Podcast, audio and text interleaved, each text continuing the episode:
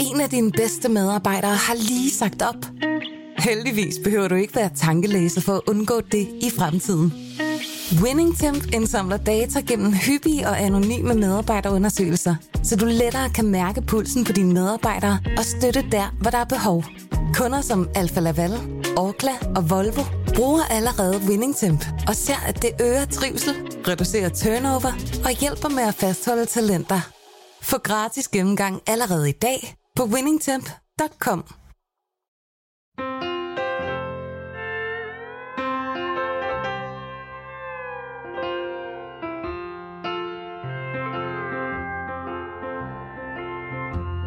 Since I was a child, tried to be what I am not.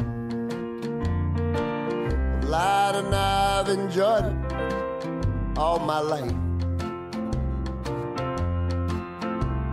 I lied to my dear mother, to my sisters and my brother. Now I'm lying to my children and my wife. Big head, no cattle. Big head, no brain. Big snake,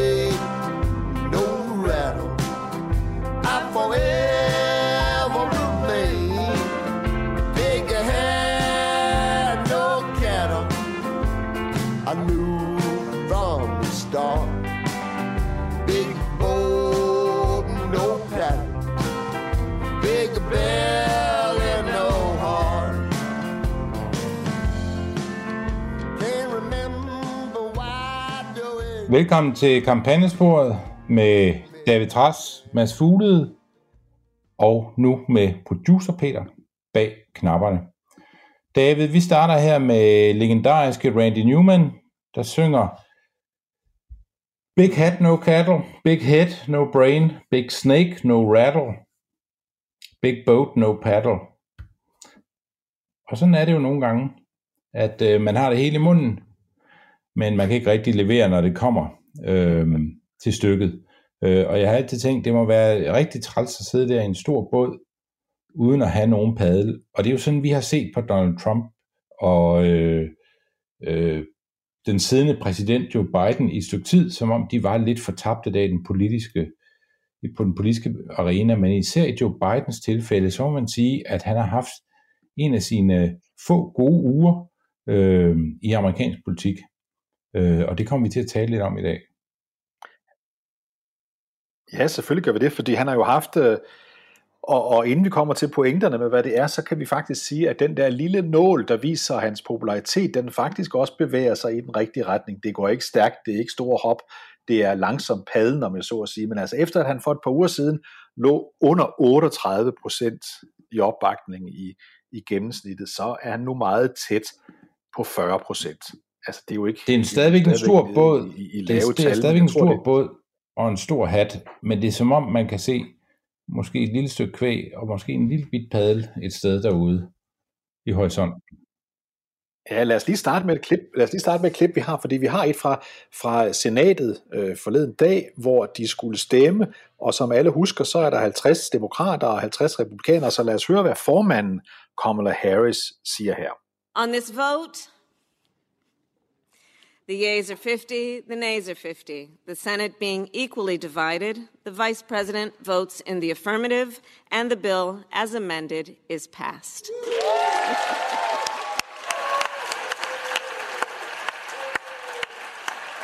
Ja, vi spiller klapsalverne lang tid, Mads, fordi det er så sjældent, at vi har haft mulighed for at spille klapsalver, øh, fordi øh, Joe Biden har gjort noget, som, øh, som der sådan vækker øh, varme følelser. Men her der sker det jo, fordi han er i den forløbende uge øh, fik gennemført ikke den kæmpe store Build Back Better plan, som vi har talt så meget om, men noget af den. Og, og, og, og det vil sige, der er kommet øh, ny øh, klimalovgivning, der er kommet nogle nye sociallovgivninger, der er kommet noget politik, hvor Biden kan sige, at det her det er faktisk en, det er, en, det er en stor reform, men ikke lige så stor som den revolution, han nær sagt, han havde lagt frem, men det er dog Jeg tror, man skal sejr. huske, at det er vigtigt for demokraterne, at man ligesom kan se, at de er i stand til at regere. For det forventer man, at parti kan, når de sidder med præsidentembedet.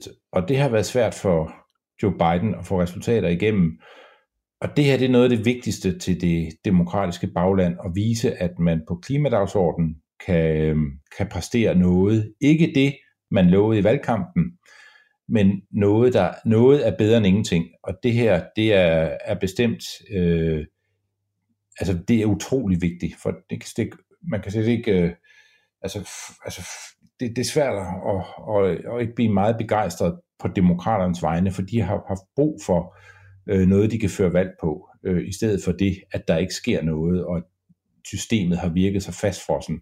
Så, så det, at man nu kan gå til valg på en stor forskel over for republikanerne, nemlig at hvis man ønsker en grøn omstilling i USA, også drevet af føderale muskler, jamen så er demokraterne i stand til at, øh, at, at levere. Så det er, en, øh, det er en større sejr, end jeg lige tror, vi går og forestiller os her på vores breddegrader, selvom jeg allerede har set, at man i Europa flere steder siger, at det her det er slet ikke nok, og det er det heller ikke.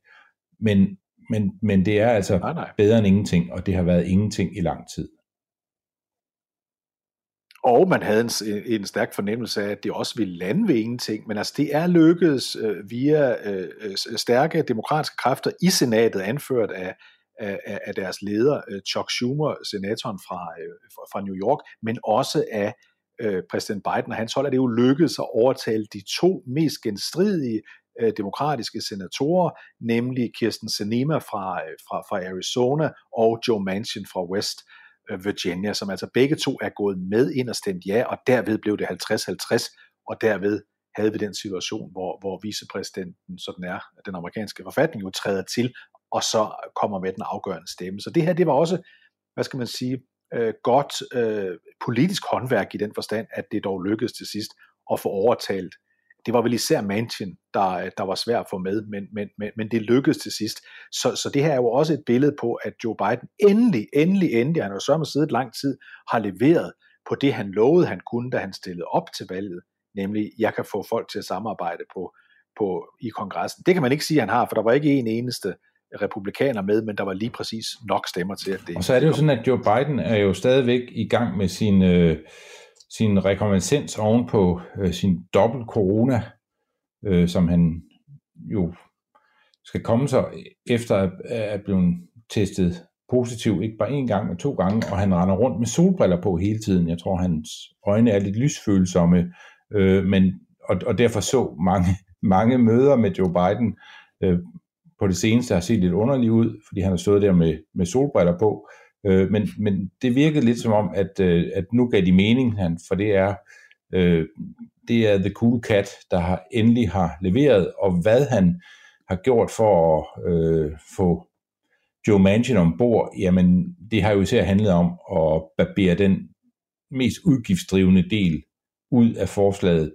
Øh, Manchin er overbevist om, at øh, det vil være inflations, en inflationsbombe, hvis man øh, laver en grøn omstilling, der kræver øh, store øh, føderale investeringer, og det har man simpelthen barberet meget, meget ned på, og det har så betydet, at, at, øh, at nu var øh, Joe Biden noget så sjældent som en cool politiker i det demokratiske parti. Det er lang tid siden, han har været det sidst.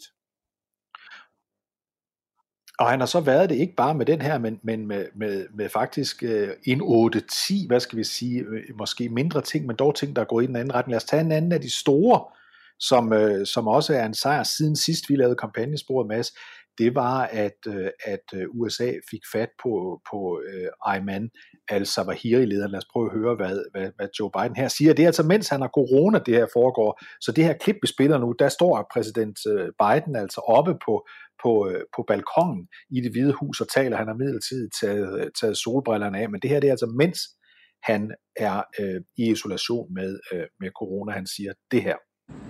People around the world no longer need to fear the vicious and determined killer. The United States continues to demonstrate our resolve and our capacity to defend the American people against those who seek to do us harm. You know, we, we, uh, we, we make it clear again tonight that no matter how long it takes, no matter where you hide, if you are a threat to our people, the United States will find you and take you out. Ja, her leverer han altså på, på noget af det, som amerikanerne i al almindelighed godt kan lide. nemlig at man får fat i en af de slemme øh, drenge i den internationale terrorisme, i det her tilfælde al-Zawahiri. Øh, også det øh, giver jo et billede af, at, øh, at, at Biden har har nogle sejre, altså noget der, noget, der lykkes for ham på nuværende tidspunkt. Det er ikke bare i indrigspolitikken, men også i udenrigspolitikken skal vi lægge en ting mere, så skal vi gøre opmærksom på, at, at Biden i, i denne her uge har leveret et af de største beløb, som nogen amerikansk præsident, nogen amerikansk øh, øh, kongres øh, nogensinde har leveret til et, øh, et, et andet land, nemlig en kæmpe hjælpepakke til, øh, til Ukraine. Så han træder også i karakter, hvad synes jeg, på den, øh, på den udenrigspolitiske bane. Ja, altså så kan man så diskutere, om han måske har sat lidt af alt det til i den måde, han har håndteret øh, Taiwan-spørgsmålet. Det kan vi vende tilbage til. Men det er rigtigt det, at øh, Ayman al-Zawahiri, han blev ramt af en drone i sit hus øh, i Kabul, øh, er en helt klar øh, sejr. Han uh, var en af USA's øh, mest prominente dødsfjender og, og har været det i, i lang tid. Øh, Osama Bin Ladens højre hånd, øh, og, og, og det er han øh, øh, så på samme måde, som han fortsætter sit virke øh, som Osama Bin Laden, nemlig ikke i den her verden. Og det er, det er jo en, det, det er et, det er et, det er et, øh, et kapitel, der bliver øh, afsluttet øh, der, som, som er en sejr for præsidenten. Og så kan man så øh, sige, at, øh, at, at tit er det jo sådan, at, at præsidenter, når de har svært ved at agere indrigspolitisk, så, øh, så begynder de at interessere sig for udenrigspolitik, for der har de lidt mere øh, manøvrerum, men her er det som om, at Biden han har, haft, øh, han har haft styr på begge dele. Han har både kunne levere på indrigspolitik, hvilket er meget sværere, øh, og han har også kunne følge det op med øh, en, en klar udenrigspolitisk profil. Og kombinationen af de her ting, det betyder, at, at hvis vi sådan kigger på, øh, hvordan det demokratiske parti har det lige nu, og vi kommer tilbage til, til ekspræsident Trump om et øjeblik, men nu fokuserer vi alene på demokraterne lige nu, så må vi sige, at, øh, at øh, der er en sjælden form for øh, optimisme er måske så meget sagt, men der er en fornemmelse, kan man mærke hos mange demokrater, af at tingene vender en smule, så det store nederlag, de så komme for sig ved øh, midtvejsvalget, der kommer i november måned, øh, det er ikke sikkert, det bliver så stort. Det kan da være, det kan da være, øh, at, øh, at de ikke taber, går nogen af dem og siger på nuværende tidspunkt. Og det er fordi, man begynder at kigge på nogle af de her øh, afgørende senatsvalg, altså de steder, hvor der er en republikaner, der ikke genopstiller, og der er en kamp mellem både en republikaner og en, en demokrat om at få posten.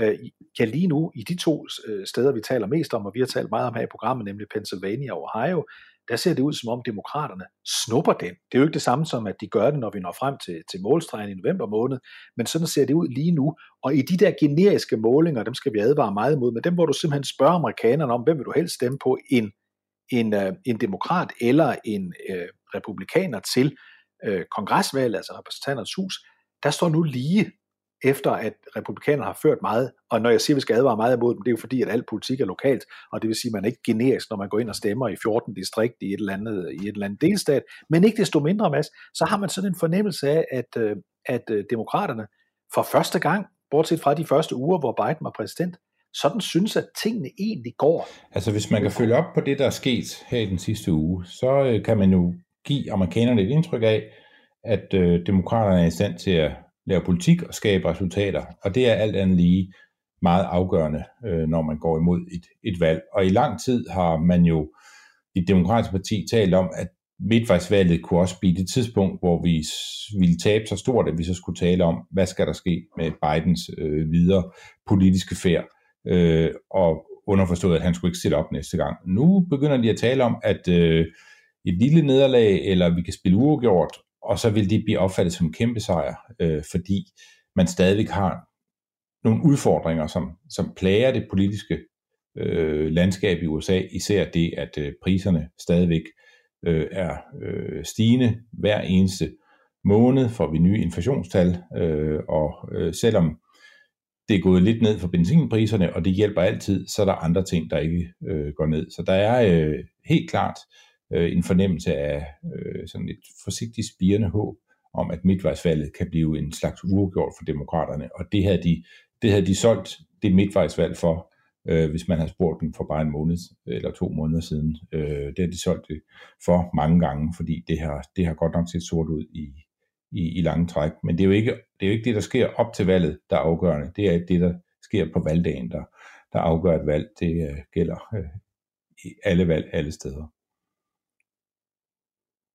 Og nu tog vi så lige og sagde, at vi starter det her program i dag med at kigge på ham, der sidder i det hvide hus i dag, nemlig Joe Biden og hans situation. Der må vi sige, så nu lægger vi det alt sammen, vi har talt om indtil videre, at sige, en af de bedste uger for Joe Biden i det hvide hus, det var øh, præget af et par sådan rigtig store sejre, men også en række øh, mindre sejre på indrigs- og udenrigspolitikken. Og så lad os lige skifte spor til en, altså en, en virkelig dramatisk øh, uge for den tidligere præsident. Lad os lige starte med noget, der skete natten til tirsdag øh, aften, altså natten til tirsdag i dansk tid, men altså, men altså mandag aften i Mar-a-Lago i Palm Beach øh, i Florida. Lad os bare lige, vi har et, et, et, et lille klip her, hvor vi kan høre en masse Trump-tilhængere og nogle få øh, anti-Trump-folk, der står ude foran Mar-a-Lago. Lad os lige prøve at høre et lille klip her.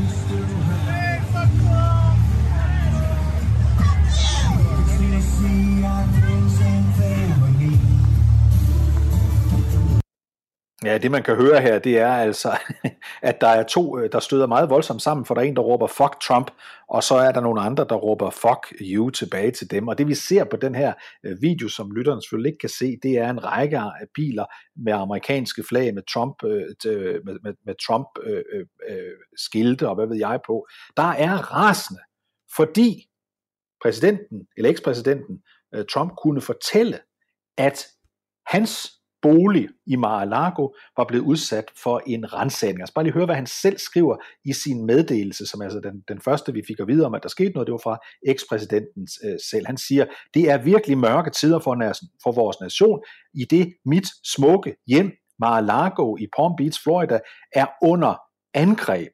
Det er blevet rensaget, det er blevet besat af en stor gruppe af FBI-agenter. Sådan noget er aldrig før sket for en præsident i USA før efter at jeg har samarbejdet og, og så videre med alle relevante øh, øh, regeringsagenturer, øh, så kom dette uplanlagte, uanmeldte øh, rensagning på mit hus. Det er helt unødvendigt, det er upassende, det sker kun fordi Justitsministeriet er blevet politisk, og det her, det opfatter jeg som et angreb fra radical left Democrats, altså de mest ekstreme øh, venstreorienterede demokrater, som vil forsøge at hindre mig i at stille op ved valget i 2014. Og så fortæller han en masse andre ting. Men, men, men det, der skete, Mads, det var altså, at FBI-agenter rykkede ind i ekspræsidentens hjem, fordi de havde fået øh, retstilladelse, de havde fået en, en, en dommerkendelse til, at de må have lov til at søge efter dokumenter, som anklagemyndigheden mener, at ekspræsidenten tog med sig ulovligt, da han forlod det hvide hus. Det er det, der er, så, det er det, der er det store drama nu. Det, jeg tror altid, det er lidt voldsomt, at der øh, flyver politifolk ind øh, igennem vinduet og døren, hvor du bor, for at løbe, tage, gå afsted med dit øh, pengeskab og hvad der ellers måtte, måtte være det. Politico har også en anden historie om det her, jeg synes er lidt sjovt, nemlig at man i Trump-verdenen øh, lægger meget mærke til, hvilke republikanere, der øh, forsvarer ham imod det, der er sket, og hvem der har været tavse, og hvem der måske ligefrem mener noget, øh, man ikke må mene, nemlig at det her var for meget af det gode. Øh, men, men man kan sige, Trump han kalder det som noget, der ikke er nødvendigt og ikke er passende, øh, og øh, hans allierede er ude at sige, at det her det er, at man bruger øh, den, den udøvende magt bliver brugt imod en tidligere øh, præsident, øh, og, og at øh, det, at det er en federal myndighed, som øh, FBI jo er, øh, øh, og, og, og sådan noget sker jo ikke uden, at, øh, øh, at Justitsministeriet er, er, er inde over det. Øh, det, øh, det gør, at den her krig, der er imellem Trump og de føderale øh, institutioner, som han jo også førte, mens han var øh, præsident, at, at den, øh, er gået, øh, den, den er gået op i intensitet. Og vi skal også sige, øh, at, at der er intet, intet, der tyder på, at det her har noget at gøre med øh, 6. Øh, januar øh, undersøgelserne inde i repræsentanternes hus. Der er ikke noget, der tyder på, at det her det er en, er en, en del af en større mulig anklage mod øh, ekspræsident Trump. Det handler helt konkret om, så vidt vi er orienteret på nuværende tidspunkt, Mads, så handler det helt konkret om en række kasser af papirer, som altså Justitsministeriet mener, øh, og ikke bare mener, har været i stand til at overbevise en dommer om, øh, er blevet gemt nede i Mar-a-Lago ulovligt, fordi de her papirer, de skulle være overgivet til, øh, til, øh, til myndighederne i, øh, i USA. Det er det, det handler om. Men ikke desto mindre, så bliver det selvfølgelig opfattet af amerikanere, øh, som de er flest, og af republikanere i særdeleshed, som et, altså et, et politisk øh, angreb, mens at demokrater siger, endelig, endelig, endelig er justitsminister Garland vågnet op og tager de her sager øh, alvorligt. Altså det er jo sådan, at øh, det, der hedder National Archives and Records Administration, øh, som sådan er USA's øh, nationalarkiv og øh, historiske hukommelse, de, øh, de har tidligere fjernet kasser fra øh, Mar-a-Lago, øh, og, og, og det har hele tiden været spørgsmålet om øh, præsidenten på en eller anden måde havde overtrædet reglerne for, øh, hvordan man øh, øh, håndterer følsomme øh, føderale dokumenter. Det der hedder, man har lige en lov om det, der hedder det øh, The Presidential Records Act, Øh, og, og, og jeg tror, det skal ses øh, som et, et resultat af den debat, der har været øh, omkring øh, netop det her spørgsmål, at, øh, at, at det, det er det, der er på spil, at man øh, øh, prøver at finde ud af, om der er flere dokumenter dernede, som øh, hører til øh, alle andre steder end hos, øh, hos en, en ekspræsident.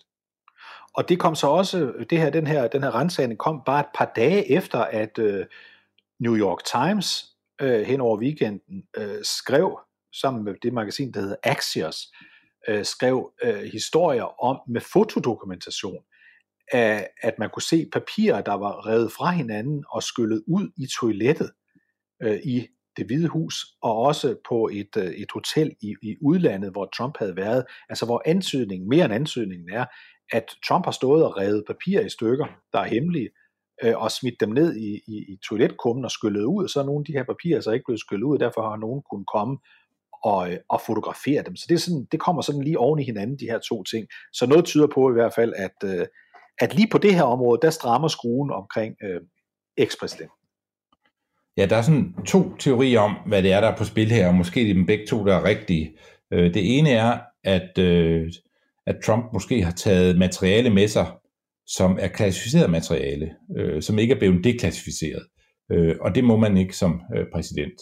Øh, hvis det er klassificeret materiale, så skal det ligesom også håndteres som øh, fortroligt øh, materiale.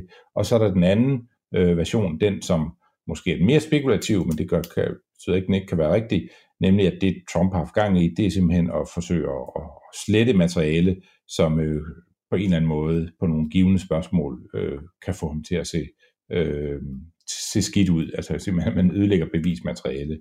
Det kan også være, det kan også være en kombination af de to, men det er altså derfor øh, sandsynligvis, at FBI øh, er draget til, til Mar-a-Lago og har gjort noget så, øh, så usædvanligt som at øh, drage afsted med en ekspræsidents pengeskab, eller i hvert fald gå ind i det for at se, øh, hvad der var inde i det.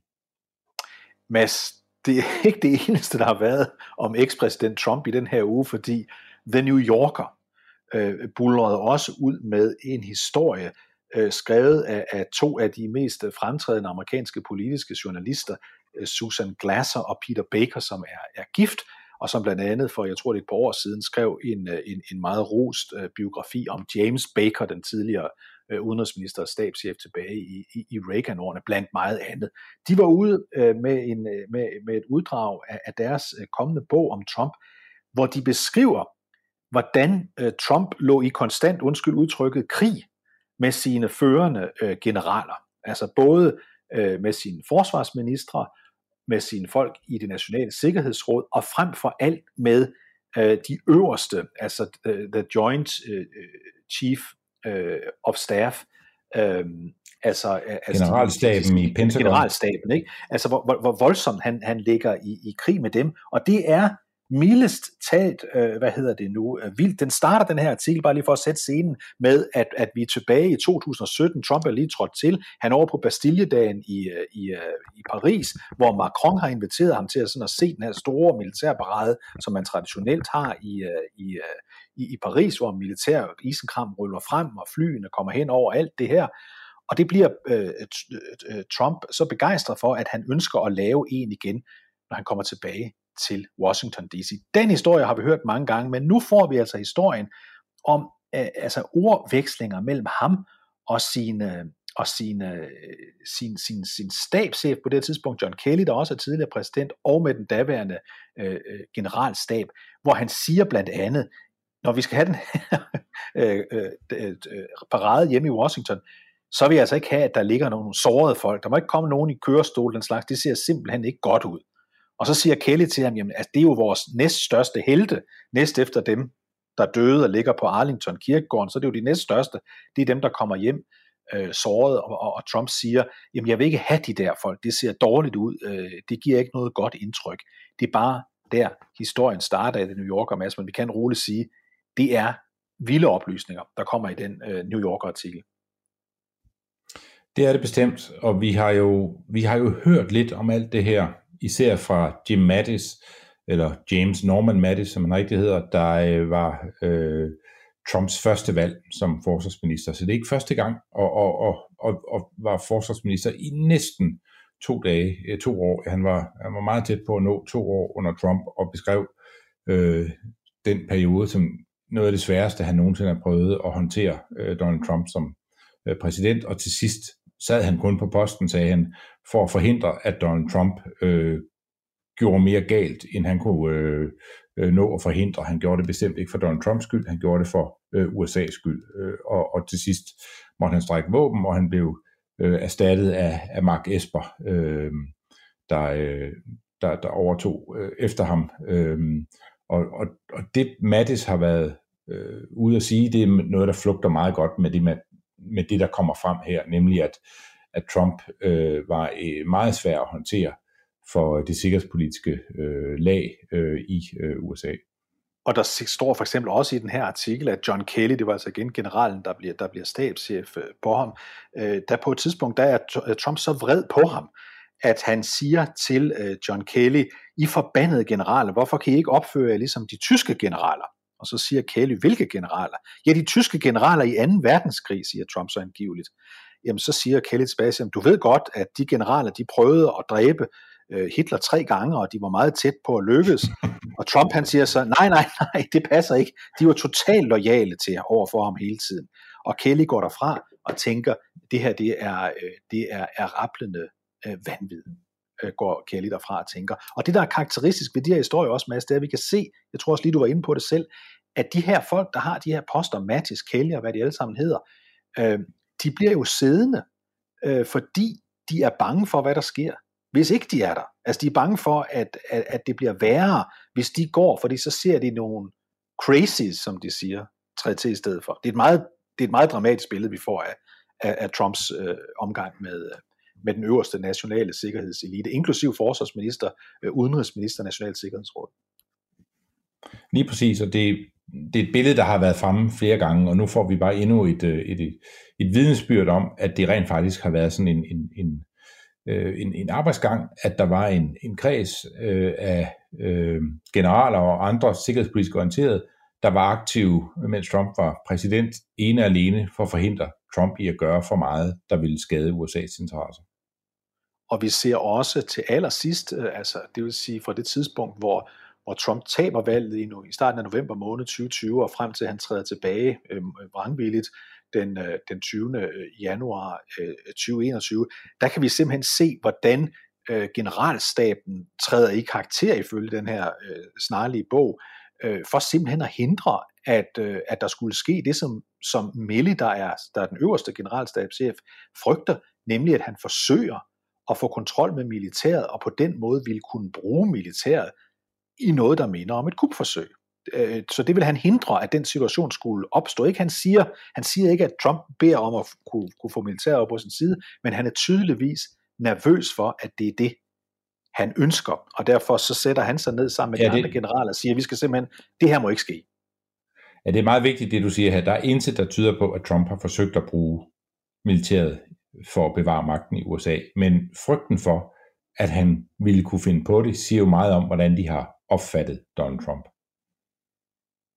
Ja, og det er jo altså vel at mærke, det er jo vel at mærke øh, folk, der var, der var aller tættest på med den situation. Så det var ikke så godt for, for, for Trump, øh, den her sag.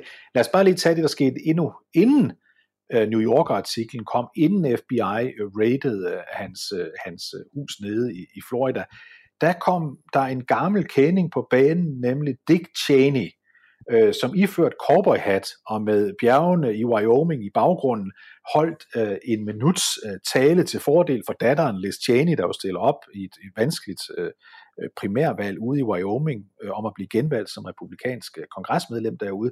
Lad os lige prøve at høre, hvordan øh, Dick Cheney øh, gik til den i det klip, i den reklame. In our nation's 246 year history, there has never been an individual who is a greater threat to our republic than Donald Trump. He tried to steal the last election using lies and violence to keep himself in power after the voters had rejected him.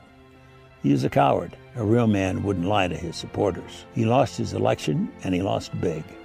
I know it, he knows it, and deep down, I think most Republicans know it. Lynn and I are so proud of Liz for standing up for the truth, doing what's right, honoring her oath to the Constitution, when so many in our party are too scared to do so. Liz is fearless. She never backs down from a fight. There is nothing more important she will ever do than lead the effort to make sure Donald Trump is never again near the Oval Office. And she will succeed. I am Dick Cheney. I proudly voted for my daughter. I hope you will too. I'm Liz Cheney, and I approve this message. Nu inden at vi får, får violinstrygerne ind over her øh, i, i fuld flor, så er det jo værd at erindre om, for dem der måtte have glemt, at Dick Cheney i otte år var, var øh, øh, præsident George W. Bushes vicepræsident, og på det tidspunkt vel nok endnu mere upopulær i Europa, end George W. Bush var på grund af Irak-krigen. Jamen det, det, der er, nu, det, der nu er usædvanligt, rolle. Det, det, historie.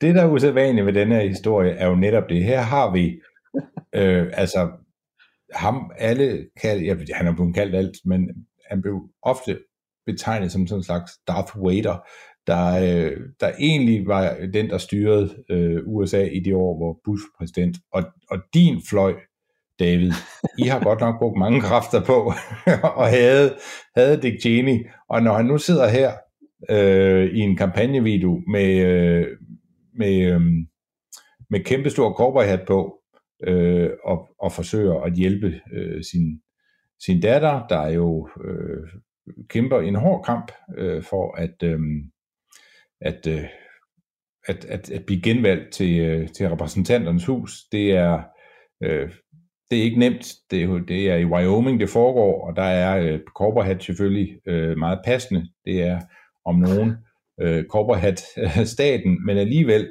at jeg, at jeg nu ser den ene mere venstreorienterede analytiker efter den anden øh, sidde og græde over øh, Dick Cheney, der træder ind på scenen og siger det, øh, som skal siges om, om Donald Trump, det finder jeg en lille bitte smule morsomt, hvis jeg skal være helt ærlig. ja, det, det er også morsomt, fordi øh, det, det, det, en ting er, altså lad, lad os sige, hvad det her blandt andet siger. Det siger selvfølgelig noget om, hvor meget øh, det republikanske parti øh, ikke længere er i øh, styres af de mennesker, der styrede det øh, for, for, for 15-20 år siden. Det er jo sådan er fuldstændig ret øh, åbenlyst. Men det siger selvfølgelig også noget om en far, der også kæmper for sin datters øh, politiske karriere, fordi som det ser ud på nuværende tidspunkt, så øh, glider hun ind øh, i, et, i et enormt meget stort nederlag. Sådan ser det ud til, og det ser ud som om Liz Cheney selv på nuværende tidspunkt siger, jamen, at hun, nærmest hun har indset, hun taber det her øh, primærvalg, øh, men hun tager det som et, havde nær sagt som Uffe Ellemann Jensen øh, fra Venstre i tidernes morgen sagde, som sådan en slags æresnæse. Altså han, hun, hun siger, jeg står op på et tidspunkt, hvor ingen andre tør, men det her, det er det, det er den mest afgørende kamp, vil, der findes. Hun vil tydeligvis gerne gå ind i historiebøgerne som en af de martyrer, der forsøgte at bekæmpe trumpismen øh, i det republikanske parti. Øh, og det, øh, det gør hun også flot.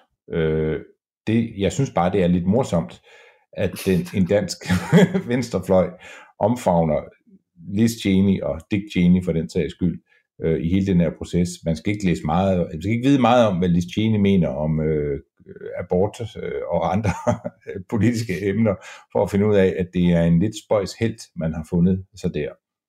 Både Liz Cheney, som er ærkekonservativ, men, men selvfølgelig også uh, altså Dick virkelig, Cheney, der, virkelig konservativ. Der, ja, og, og Dick Cheney, der også er meget konservativ, men frem for alt stod bag uh, udenrigspolitik, som, uh, som uh, ja, uh, venstrefløjen heriblandt undertegnet øh, ikke var varme tilhængere af i, i 2000. Du må have skrevet mange gange om Dick Cheney, og jeg gætter på, at der, du ikke særlig ofte har skrevet noget pænt om Dick Cheney. Jeg, jeg, jeg øh, måtte sige forleden dag et sted henne, at jeg øh, nu vil sige noget pænt om Dick Cheney, og det er formentlig første gang øh, nogensinde. Men der skal jo altid være en første gang øh, øh, øh for alting. Øh, Mads, nu skal vi lige høre, vi, vi er til CPAC, altså den konservative øh, organisations øh, store møde i, i, i Florida forleden dag, og der kommer, der kommer Viktor Orbán, øh, den ungarske leder, og skal holde talen. Og han starter med noget her, Mads, og nu skal vi se, hvor godt du kan huske øh, øh, Texas' historie, øh, for at se, om du kan genkende, hvad det er, Viktor Orbán hensyder til her i starten af sin tale. The globalists can all go to hell. I have come to Texas. ja, Mads, hvad siger du? Jeg skal simpelthen, øh, jeg skal simpelthen have lidt hjælp til at høre, okay. hvad han siger her. Altså, han siger, the globalists can all go to hell, but I will go to Texas. Ja, men nu, nu er vi tilbage i, i historien om Texas' uh, løsrivelse fra Mexico. Uh, ja. jeg, har ikke, jeg er ikke god til at, at helt forstå uh, uh, ungarsk engelsk. Orbans engelsk. Ungarsk engelsk. Men, uh, men, men ja, det er, et, det er en, uh, det er en, uh, et, en uh, hvad hedder sådan noget, et hat-tip til uh, Texas uh, selvstændighedstrang og kampen for at løsrive Texas fra Mexico. Det er simpelthen et citat fra Davy Crockett, Øh, altså ikke det med globalister. Han sagde, you may all go to hell, and I will go to Texas, sagde David Crockett dengang. Øh, han sagde selvfølgelig ikke globalisterne, det var ikke noget, der fandtes øh, dengang. Nej, man skal jo huske, altså nu er David Crockett jo øh, kendt for mange forskellige øh, ting i øh, hans eftermæle er jo er, er jo blevet til mange forskellige ting, men det man måske glemmer, det er jo, at, at han sluttede sig til de de frivillige i Texas og falder i det berømte slag, der er ved Alamo. Øh, vi ved ikke helt, øh, det, det var så tumultarisk, det der foregik, øh, at øh, vi, man kender ikke, øh, hvilken, man ved ikke, hvilken dag David Crockett øh, dør på der i, i 1836, øh, Øh, 36, men, men da David Crockett, han øh, øh, altså øh, før han tog afsted, var han øh, øh, valgt øh, til øh, kongressen i, i øh, USA, og så det er, jo, det er jo noget af en, øh, af en, af en exit at dø i en frihedskamp øh, for øh, Texas øh, på et tidspunkt i, marts, i starten af marts måned i 1836. David Crockett, han er også en, der har, det, det kan være, Mads, når, når, når nogle andre, vores, øh, vores øh, øh, oldebørn, de der, dine og mine, sender kampagnesporet, som jo aldrig holder op, øh, om 130 år, øh, så kan det være, at, øh, at, at også øh, Dick Cheney vil blive omtalt med stor affinitet. Det er ikke til at vide, hvad der sker, når, man er, når det er så lang tid siden noget skete. Altså det forventer jeg helt klart af Johannes, det kan jeg godt afsløre. vi, skal, yes, vi skal længere frem end Johannes, hvis det skal være lige så langt stræk som, som David Crockett. Men lad os lige høre. Ja, det er rigtigt nok. Viktor Orbán, han, øh, han, han, øh, talte jo altså som sagt på den her øh, konfer- konference for de konservative republikanere, hvilket øh, ophidsede meget øh, mange mennesker, men, men til gengæld også begejstrede de til stedeværende. Lad os lige høre øh, lidt mere, så nu skal, du, nu skal du lige øh, stille ørerne ind på, på ungarsk øh, engelsk her. So, so we must take up the fight. Victory will never be found by taking the path of least resistance.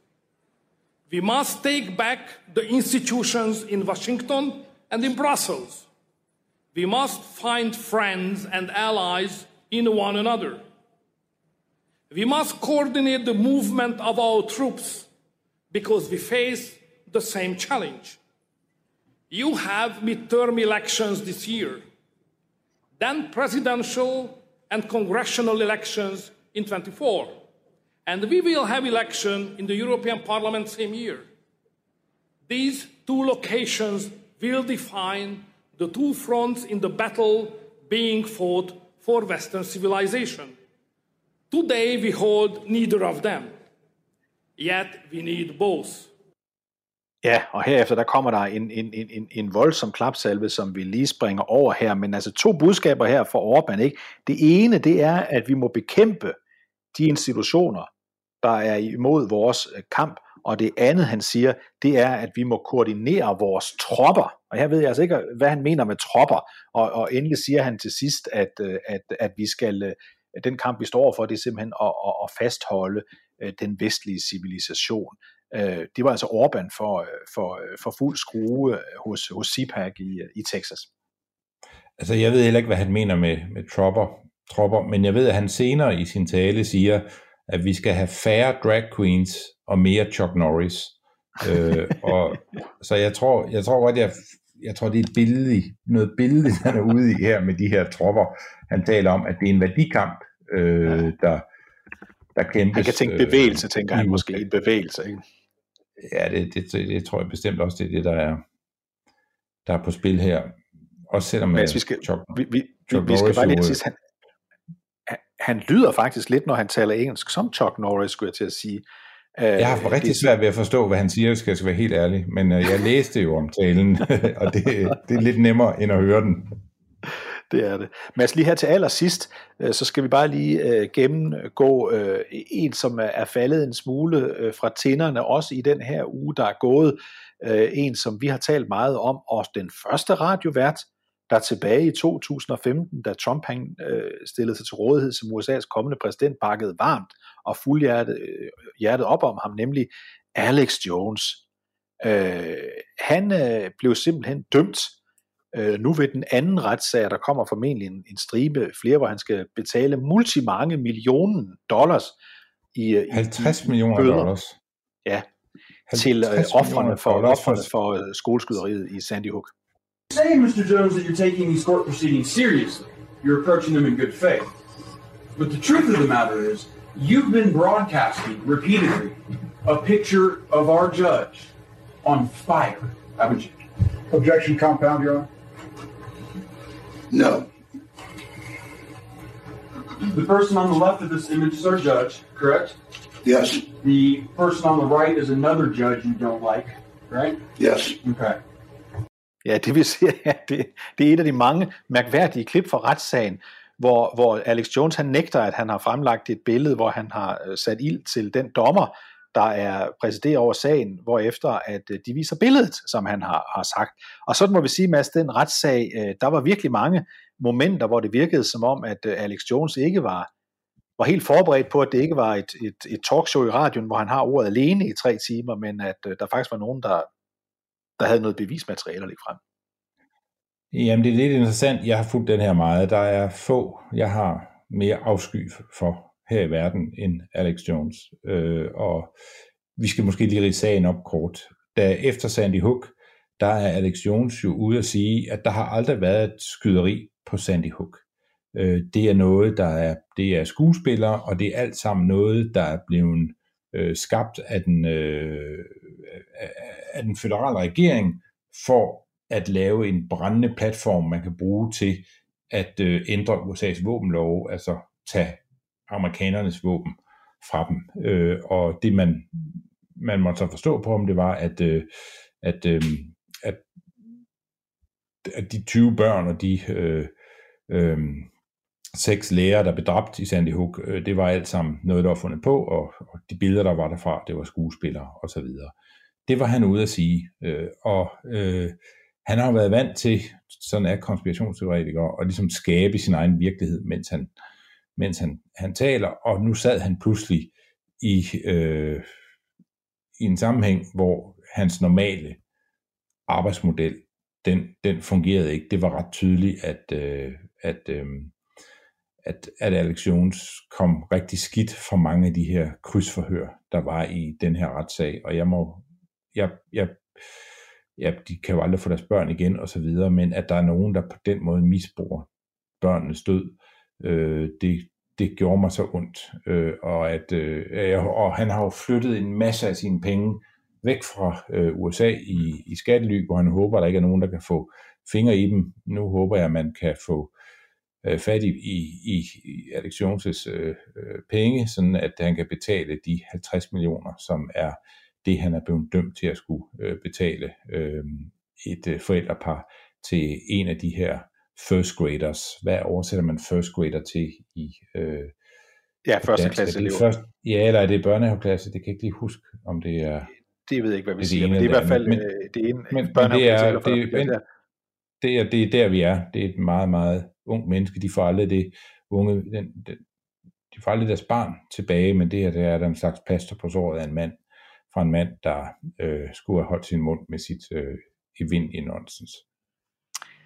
Med disse øh, opløftende, han har sagt, eller nedslående ord, ja opløftende var det jo i den forstand, at han blev dømt, og derved er færdig som en, der kan sprede den her slags løgne i hvert fald, øh, ruineret formentlig også. Øh, så vil øh, Mads Fuglede øh, og jeg, David Træs og producer øh, Peter, sige tak for denne uges udgave af Kampagnesporet. Vi er tilbage igen om en uge. En af dine bedste medarbejdere har lige sagt op. Heldigvis behøver du ikke være tankelæser for at undgå det i fremtiden.